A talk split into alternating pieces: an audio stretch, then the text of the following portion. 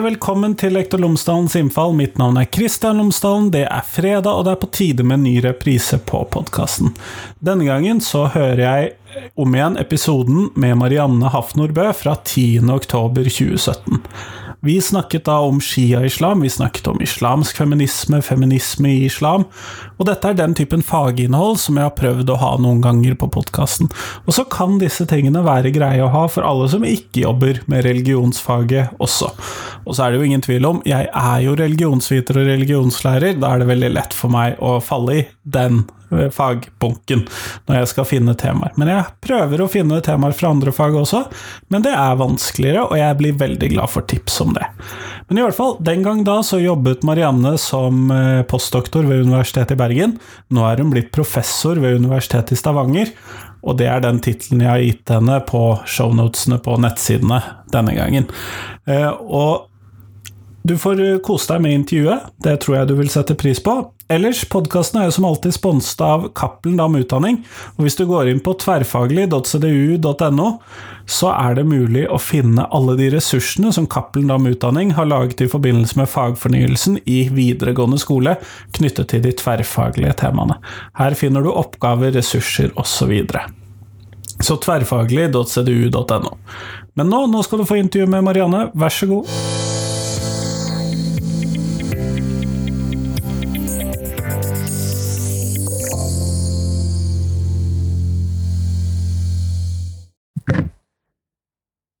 Tusen takk for at jeg har fått lov til å komme og besøke deg her på universitetet, Marianne Bø. Jo, veldig kjekt å ha deg her. Før vi starter med selve intervjuet, kunne du ha fortalt lytterne mine tre ting om deg selv?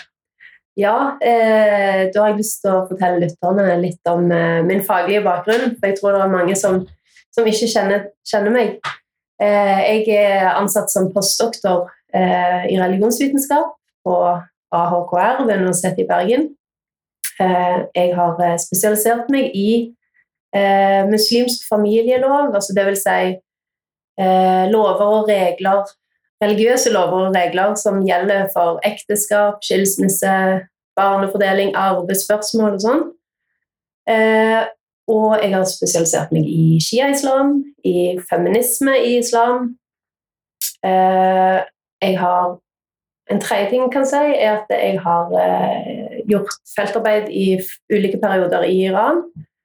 Og jeg har studert persisk ved Universitetet i Teheran. Ja. Nettopp. Det hørtes ut som vi har egentlig hadde tema for flere podkastepisoder. ja, kanskje. Men det er nettopp da eh, to av disse temaene som vi skal ta eh, snakke om i dag. Mm. Eh, og det er jo da feminisme i islam, eller islamsk feminisme, og shia-islam. Ja. Og Da tenkte jeg at vi kunne begynne på eh, islamsk feminisme.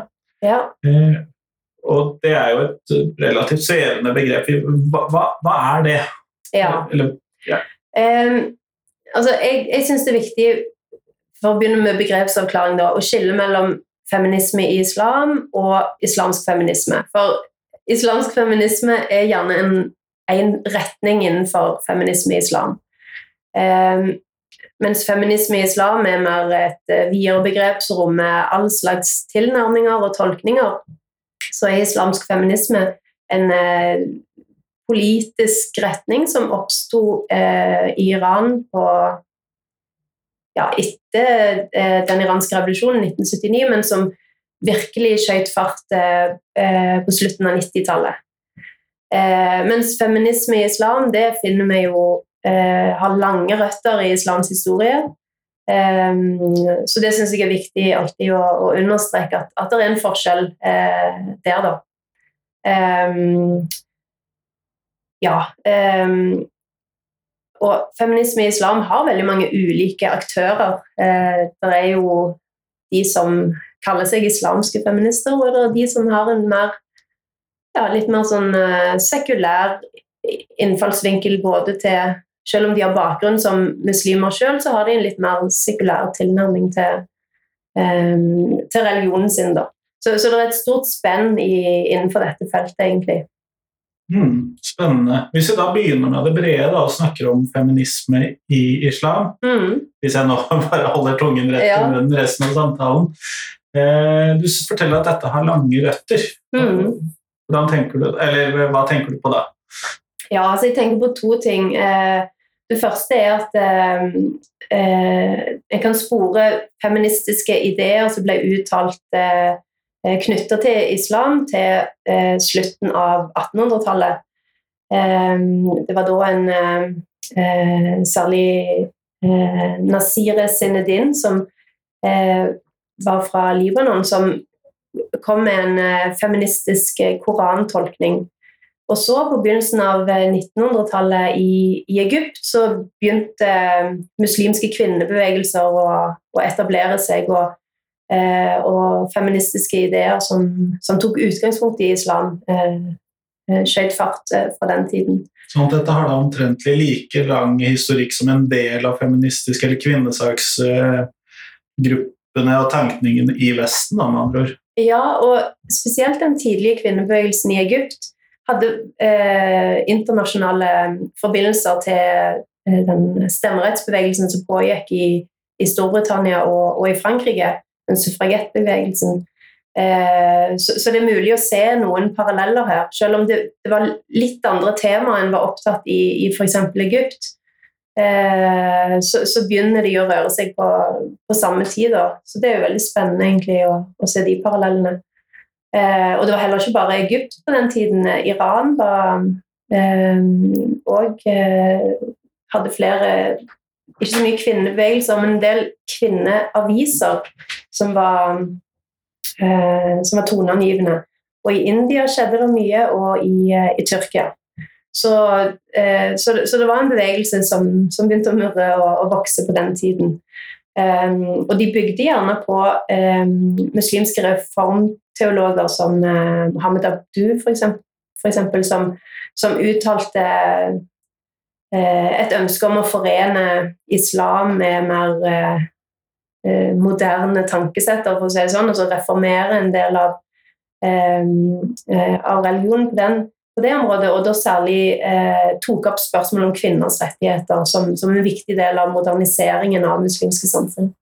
Sånn at eh, det, da, det jeg da hører, er jo det at eh, denne feminismen i islam og denne kvinnesaksbevegelsen i islam, eller islamske land og områder, eh, er ganske nært knyttet til et visst reformønske eller moderniseringsønske sånn generelt, da, med andre ord.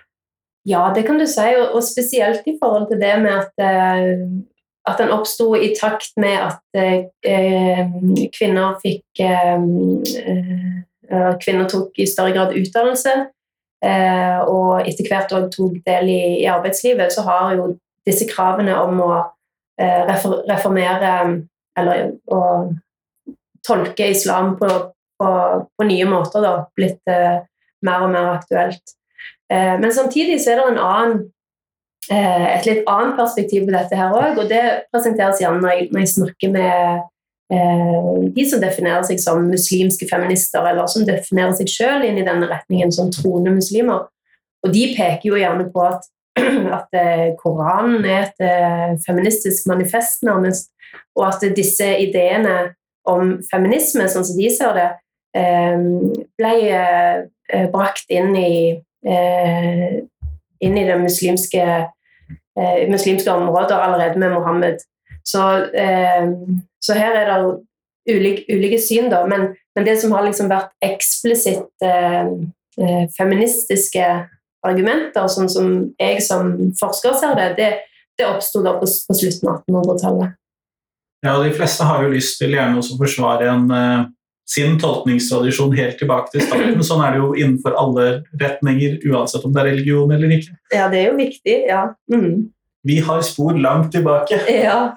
ja og så peker de da gjerne på at, at med, eh, med, Koranen så fikk eh, eh kvinner eh, økonomiske eh, rettigheter, f.eks., som de ikke hadde i, eh, på, på, den tiden fra før. Da. Så så, så, de viser til en del eh, reformer som allerede kom da, med, med, innføringen av islam. Um, og så er det jo en viktig del av å, å legitimere uh, feministiske tolkninger og, og synspunkt. Nettopp å vise til at så du sier, dette var en del av den opprinnelige islam. ja, det er jo viktig når man først, skal, når man først henter legitimitet langt tilbake fra. Mm. Men hvis vi da ser på feminisme i islam i dag, hvilke områder eller saksområder er det man jobber eh, gjerne med da? Eller hva er det det dreier seg om nå i dag? Mm. Eh, det, er, det er noen temaer som går igjen, og det er spesielt knytta til forholdet mellom mann og kvinne. Eh, da særlig ekteskapet som, som går igjen. Eh, og det som jeg nevnte, som jeg har jobba mye med, muslimsk familielov. Det er sånn eh, skaper mye hodebry for mange kvinner og menn rundt omkring i, i, verden. Det er det jo ikke til å legge skjul på.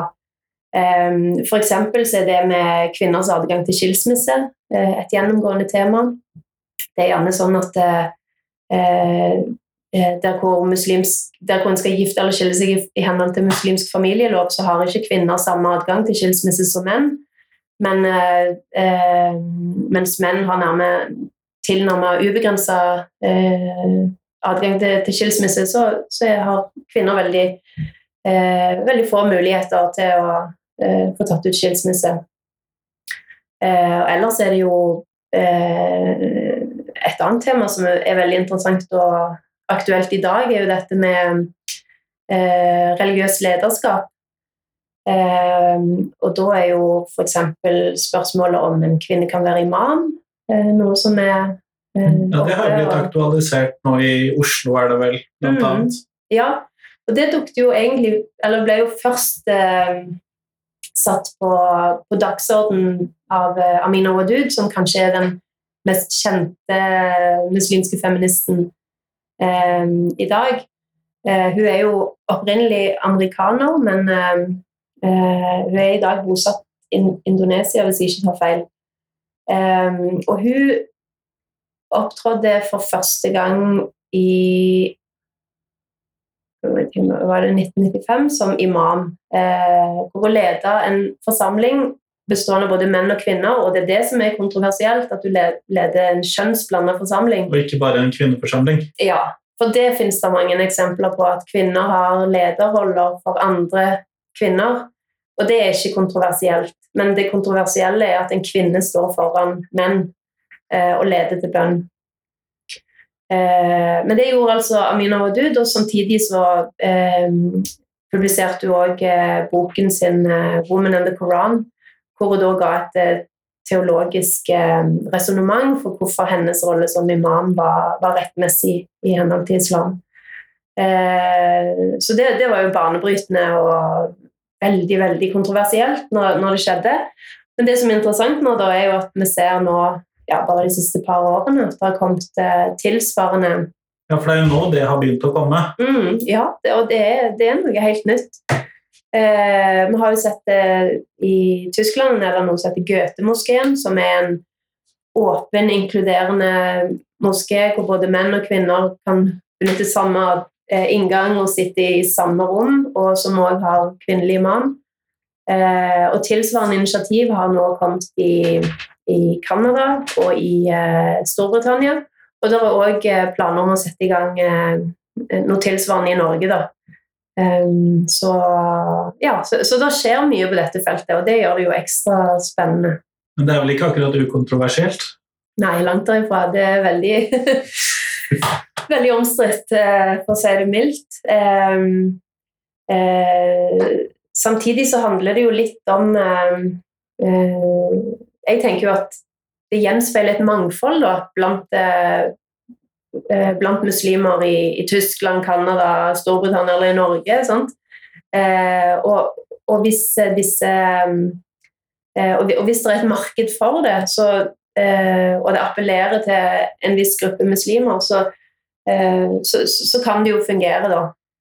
Men det er jo klart at det er mange som, som mener at det er, er feil tolkning, og at, eh, at de, de, ikke har noen legitimitet eh, som imamer hvis, hvis, de er kvinner, eller, eh, eller hvis de òg driver disse kjønnsblanda moskeene. Altså, til og med det er kontroversielt. da.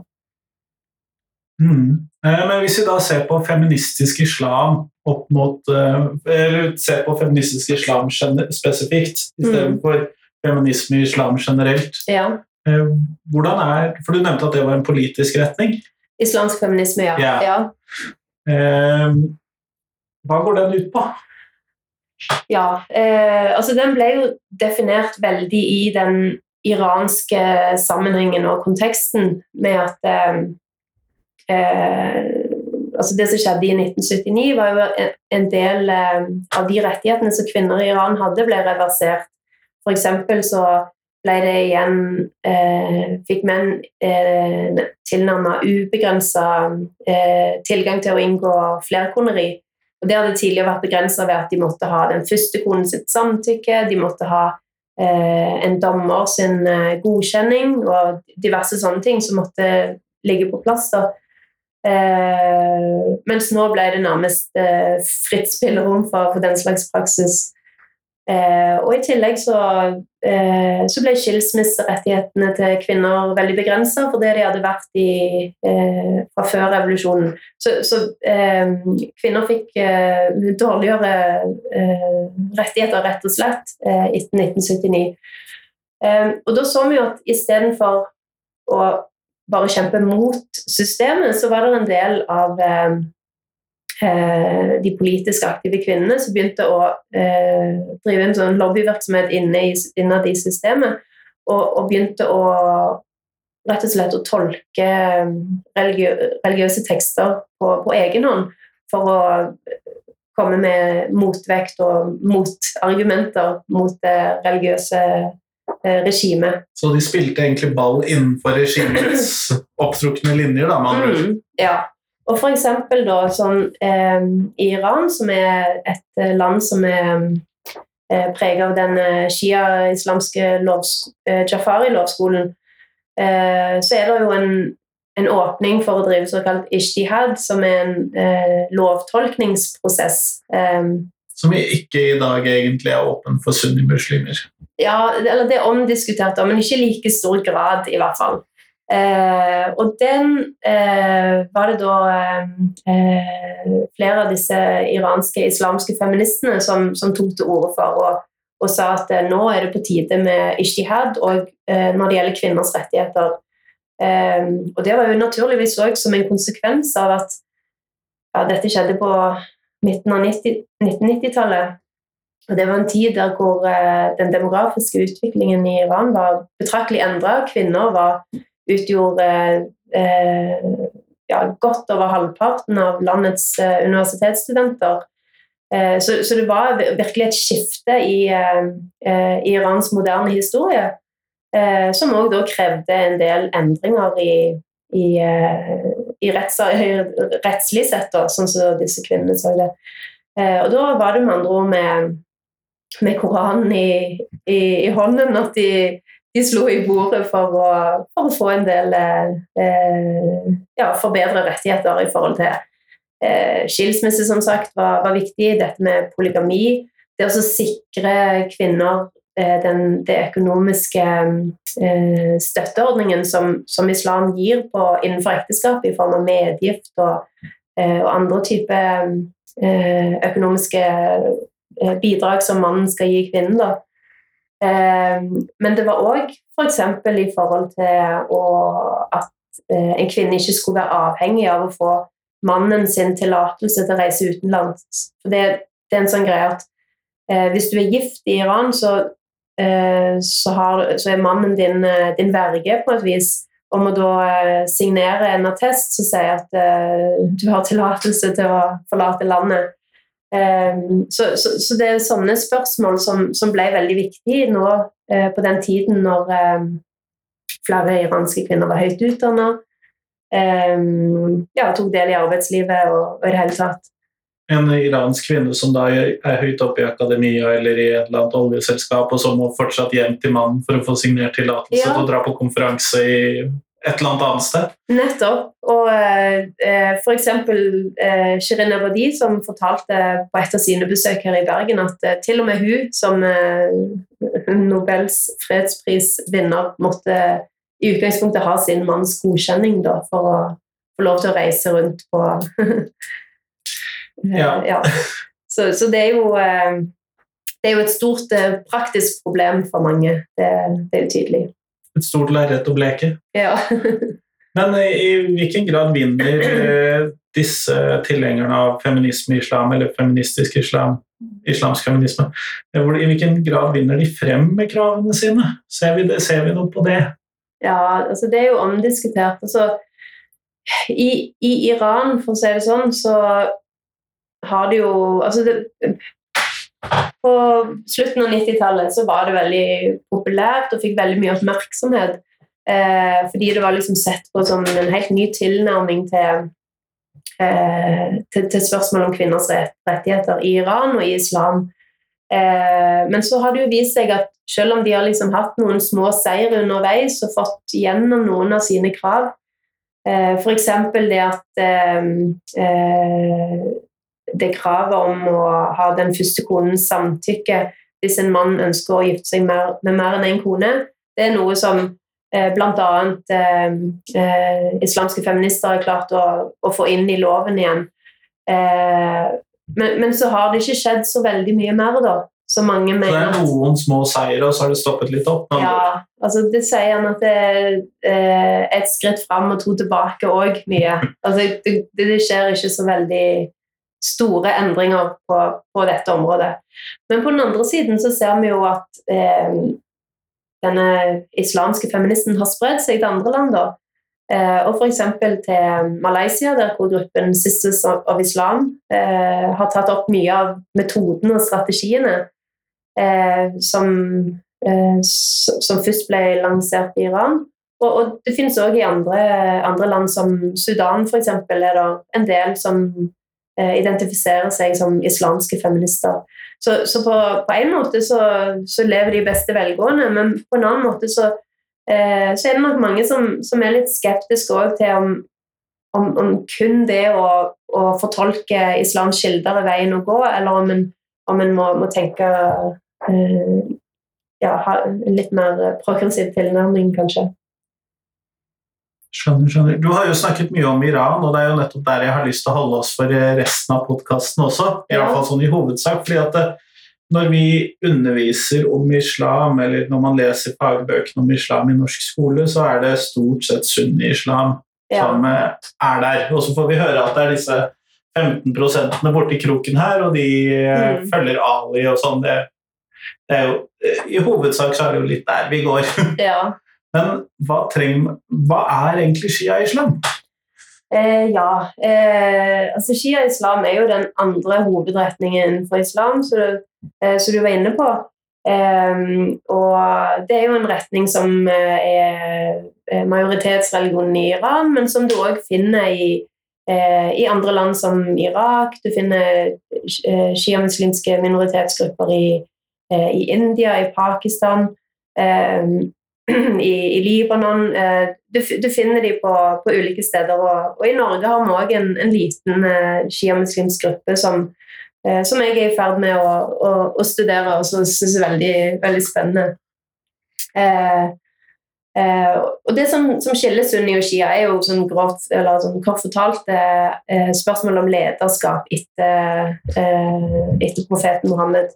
Der hvor shiaene mente at det var den Eh, fjerde kalifen Ali, som var den rettmessige leder, eh, og at det, via slektskap etter Ali og, og Fatima eh, at en har imamer som skal lede eh, sjiamuslimene i, i, i, sin ja, i, sitt liv. Da. Fra, fram til den tolvte imam, som da går i okkultasjon og forsvinner og skal komme tilbake ved, ved dommedag, kort fortalt. høres ut som et visst Messias-preg over uh, denne talte imamen. Ja, ja absolutt. Eh, det er det. Eh, og eh, ja, det er mye mystikk eh, knytta til den, eh, denne Mahdi-skikkelsen, den tolvte imam. Så, det er viktig, en viktig del av, av shia-islam. Men samtidig Jeg er jo litt opptatt av at når en snakker om islam, så tenker folk flest på sunni-islam. Og det er det som er majoriteten, så det er ikke så veldig, veldig rart. Men eh, eh det som er litt eh, eh underlig allikevel, det er jo at shia-islam ofte presenteres sånn, på en veldig sånn, sensasjonspreget måte. For eksempel, eh, så er det veldig mange som forbinder shia-islam nettopp med den eh, iranske revolusjonen og Khomeini, som jeg var inne på da jeg snakket om feminisme i islam. Eh, og kanskje spesielt da den eh, fatwaen som eh, Khomeini uttalte i forbindelse med eh, Salman Rushdies eh, sataniske vers. Ja, den er jo ganske kjent. Ja, den er, den er jo ganske kjent, ja. Eh, så, så det blir veldig sånn sensasjonspreg, og jeg har liksom hørt mange si sånn «Å, Shia-islam, ja, det er jo de, eh, de onde muslimene, altså de er jo skikkelig ille. Og, og det jeg er opptatt av da, det er jo at i bunn og grunn, bortsett fra lederskapsspørsmål, og vi skal jo anerkjenne at det er forskjeller, det er ikke det jeg mener, men i bunn og grunn så er det ve veldig få teologiske forskjeller som skiller disse to retningene. Eh, og det er langt flere likheter enn forskjeller. Eh, og kanskje spesielt i en tid som den vi lever i nå, hvor disse spenningene mellom sunni og shia har blitt så eh, veldig, veldig mye tydeligere. Ved konflikten mellom Saudi-Arabia og Iran, f.eks. Eh, så syns jeg det er viktig å understreke at eh, forskjellene er eh, mye mindre enn likhetene. Mer politiske enn teologiske. Absolutt. ja. For de teologiske forskjellene er, er veldig små. Og i forhold til religiøs praksis er det òg veldig få forskjeller.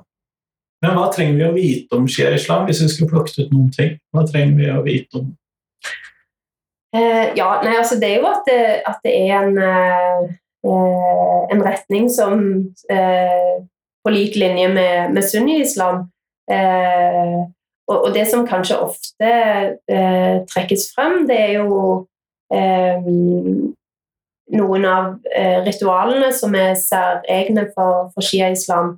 F.eks. dette med ashura, som, som er til minne om eh, eh, slaget ved Karbala, som er et sånn viktig shia-muslimsk ritual. Eh, eh, og så eh, eh, så Jeg syns det er viktig å løfte fram den retningen nettopp for å vise til mangfoldet som finnes. Det, er det er veldig ofte at eh, Sånn er det jo for alle religioner, egentlig, at en får en, ve- et veldig essensialisert bilde av en religion. Og shia-islam på den måten er med å vise mye eh, noe av mangfoldet, både i rituell praksis og i, i tolkninger. Eh, Så selv om forskjellene ikke er så mange, så er det noen forskjeller som kan, kan vise da, eh, at eh, ja, det er ikke bare én eh, eh, saudiarabisk forståelse av islam, f.eks., som, som er, er den riktige, da, men at det er mange riktige og mange, mange mulige tolkninger. Så sånn sett så kan jo da shia-islam fungere som hva skal vi kalle pedagogisk bilde, med, eller verktøy, pedagogisk verktøy, var det jeg var veldig usikker etter. Ja, absolutt. Og, og det er jo òg en annen ting som, som er viktig sånn, hvis en skal eh, undervise i religion, syns jeg. Da, det er jo å, å vise at det, eh, vise det, det som gjerne omtales som levd religion, altså religiøs praksis. Eh, og, og der jo, er det veldig mange eksempler innenfor shia-islam som, som, eh, som er aktuelle, kan være aktuelle i en sånn undervisningssammenheng. Jeg har jo eksempel, når jeg har gjort feltarbeid i Iran, så kom det over både hjemme hos folk og på, på gatekjøkken at det, at det henger bilder av Mohammed. Og det har vi jo egentlig hørt og Ja, det finnes jo ikke. Nei, og, og det er jo forbudt. Sant? Det er jo liksom den, eh, den forklaringen som, som ofte blir gitt. Men eh, ja, du ser jo eh, her at eh, tvert imot så finnes eh, Mohammed-avbildninger i veldig mange former. Og det bildet som jeg viser deg nå, er jo bildet av Mohammed som eh, i, eh, så, eh, avbilda som en ung gutt med blomst i håret, som kanskje ikke er det det som en først tenker på når en tenker på Mohammed. da. Men, men den type billedbruk og tradisjoner er, er utbredt i Iran, og, og noe som eh, iranere gjør med respekt for eh, profeten Mohammed. Det er gjort på en respektfull måte, og, og det er en viktig del av, av den, eh, det eh, religiøse liv. Eh, Så det er en type ikonografi som ligner eller billedbruk da, som ligner ganske mye på det vi har inn, finner i luthersk kristendom, da, f.eks. Ja, altså både ja og nei. Jeg tror en sånn sammenligning òg kan være litt eh, forenkla. Men, eh, men, men det er klart at en har likhets, likhetstrekk i og med at eh, det er avbildninger av, eh, av profeten og, og sånn, men, men, men det er òg eh, Det er òg forskjeller da, som, som viser seg på, på det området. Kjempeflott. Det tror jeg kan være nyttig kunnskap for eh, de som hører på. Særlig de som da skal prøve å undervise religion og få opp med seg alle disse forskjellene. Ja. Men eh, før vi tar oss, eller nå når vi går mot slutten av podkasten, så har jeg jo et spørsmål som jeg pleier å stille til alle de jeg intervjuer. Mm. Og det er hva ville Marianne Bø gjort som norsk skolediktator hvis du fikk fritt mandat og fritt budsjett til å gjøre noe med norsk offentlig skole? ja. Det Hva må jo være en drømmejobb. Hørtes vanskelig ut, du meg, men hva, Ja. hva, ville begynt? Ja, nei, eh, eh, jeg har jo sjøl ingen eh, erfaring fra å undervise i skolen. Eh, min undervisningserfaring er jo på universitetsnivå. Eh, og jeg har stor tiltro til lærere i den norske skolen og den jobben de gjør. Og eh, ja, jeg vet at læreren gjør en god jobb. Eh, Men, men det som jeg er opptatt av da, når det gjelder religionsfaget i skolen spesielt, det er jo eh, at eh, jeg syns ofte det blir presentert eh, som i forbindelse med det å ivareta eller videreføre verdier, og da har det jo kommet opp i det siste nå med norske verdier. Eh, og det eh, er noe som jeg gjerne vil endre, da. Og heller styrke religionsfaget i skolen som et kunnskapsfag. Eh, Jeg ser ingen grunn til at religionsfaget skal ha mer ansvar for å videreføre verdispørsmål eller verdier enn det f.eks. historie eller samfunnsfag har. Eh, eh, og som ledd i, i en sånn eh, endring, så, så syns jeg det er viktig at religionslærere har bakgrunn i religionsvitenskap.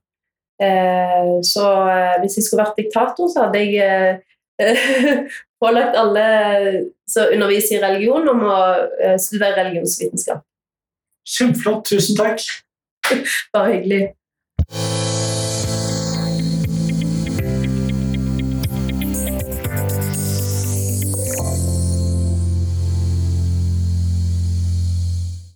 Tusen takk til Marianne, og tusen takk til deg som hørte på. Nå er det fram til tirsdag før det kommer en ny episode på podkasten, og da kommer det et helt ferskt intervju, så det gleder jeg meg veldig til. Som alltid, egentlig. Dette har jeg sagt mange ganger, for å si sånn, og jeg gleder meg hver gang til å publisere nye intervjuer. Ellers, jeg håper at du kan dele podkasten min med noen som du tror vil sette pris på den, for det blir jeg utrolig glad for. Det er nettopp den måten podkasten min kan vokse. Og så vet jeg det, det er fra et eller annet sted mellom 2000 og 4000 mennesker som hører på denne podkasten hver uke, eller det vil si det er så mange avspillinger. Jeg vet jo ikke hvor mange som hører på flere episoder per uke, men jeg syns dette er veldig gøy. Det er en bekreftelse for meg på at podkasten settes pris på, og jeg håper at du kan bidra til og at den enda flere får muligheten til å sette pris på podkasten. Men nå, nå tenker jeg at du skal få lov til å få ta deg helg. Ha en fin helg. Hei, hei.